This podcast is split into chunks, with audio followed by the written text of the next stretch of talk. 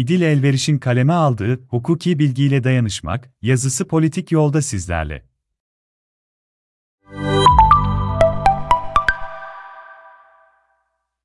Burada hukukun toplumla ilişkisi ve yargıyla ilgili yazılar yazıyorum. Hatta konunun ceza yargılaması ile ilgili kısmını önemsediğim için cezaevlerini de ele aldım. Bu konuları birleştirmek ve geleceğe hukukla ve hukukun meşru alternatifleriyle bakmak bana oldukça önemli geliyor. Her ne kadar hukukun işlemeyen yanları üstüne yahut hukuku nasıl çeşitlendirip sorunları çözmede tek yol olmaktan çıkarırız üstüne kafa yorsam da hukukla ilgili işleyen veya işlese ne kadar iyi olacağını düşündüğüm konular da var. Zira hukukun kişileri, kurumları güçlendiren taraflarına vurgu yapmayı da çok anlamlı buluyorum. Bu özellikle hem ekonomik hem toplumsal açıdan birçok sıkıntı çekilen bir dönemde, toplumsal anlamda güçlenmek bakımından da lazım. Bu güç ihtiyacını düşünürken, 10 seneden fazla bir zaman önce İstanbul'da bir cezaevinde Adalet Bakanlığı izniyle yaptığımız bir pilot projeyi hatırladım. Çünkü aslında bu proje, kişinin en kırılgan olduğu ortamlardan birinde, onlara bilgiyle güç vermek amacını taşıyordu. İsmini dilek kutusu koymuştuk. Aynı kamuya açık mekanlarda görülen dilek ve şikayet kutularını andıran, cezaevinde bulunan hükümlü ve tutukluların, infaz ve ceza hukukuna ilişkin soruların cevabını istedikleri bir çalışmaydı bu. Cezaevinde adet olduğu üzere, onlar her şeyi dilekçeyle yapacaklar, işi yapanlar da İstanbul Bilgi Üniversitesi Hukuk Fakültesi mezunu ve öğrencisi gönüllüler olacaktı. Dilek kutusu, cezaevindeki insanlarla kamuya açık bilgileri paylaşan bir proje olmayı hedeflemişti. Gönüllüler, cezaevinin kendilerine ayırdıkları görüşme alanında, cezaevine ait bilgisayardan faydalanarak,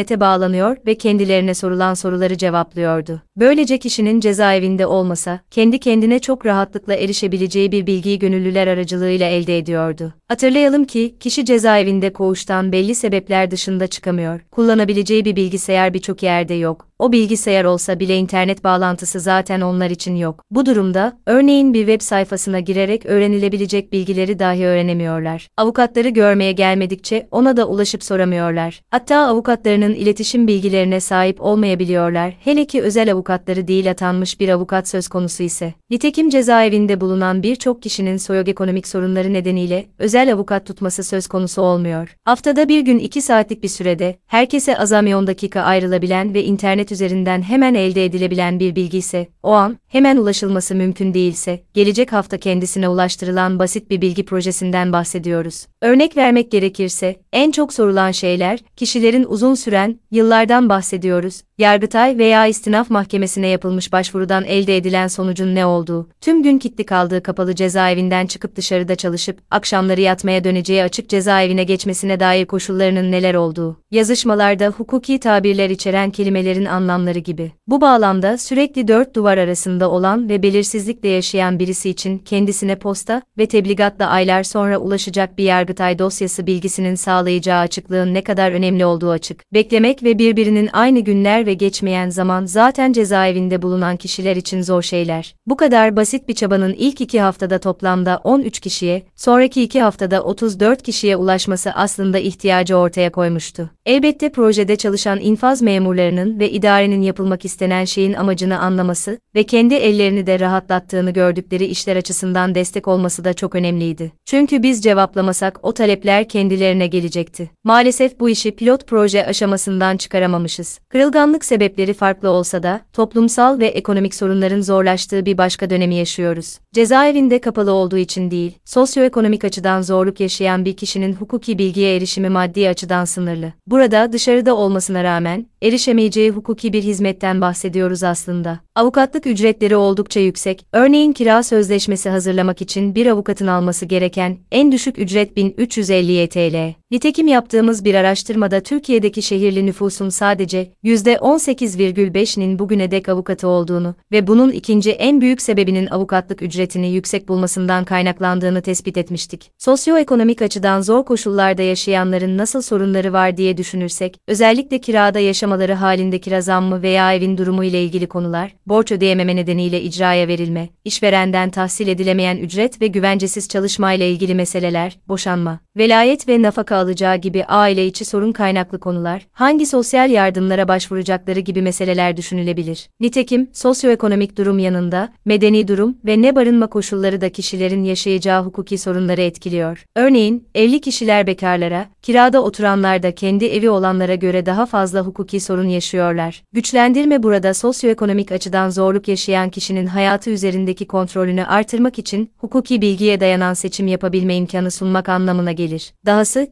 kişinin kendini güçsüz hissettiği bir dönemde başına gelen haksızlıkları veya kendisine haksız işlem yapan bürokrasinin yanlışlarını kabul etmemeyi sağlar. Unutulmamalıdır ki sosyoekonomik sorunlar uzun süre devam eden, hastalık ve engellilik içeren, boğuştukça çoğu zaman kişilerde akıl sağlığı sorunları da yaratan meselelere işaret eder. Bu anlamda aslında zaman bu gruba yönelik gönüllülük zamanı. Çok önemli olsa da birbirimize sadece askıda faturaları ödeyerek parayla değil, sosyoekonomik sorunları dinleyip, çözme yolunda adımlar atarak, mesleki bilgi sunarak destek olma zamanı. Zira okumuş insanların bile anlamakta zorlandığı hukuki metinlerin veya usullerin, sosyoekonomik açıdan eğitimi yüksek olmayan kişiler için çok daha zor olduğunu ve genel anlamda hukuki prosedürlerin yoksul dostu olmadığını düşünmeliyiz. Dolayısıyla belki de öyle bir proje geliştirmeliyiz ki, bu seçeneklere uyan kişileri doğrudan hedefleyerek onlara destek olmalıyız. Yanımızda belediyeleri buluruz belki. Hayal kurduğumu sanmıyorum.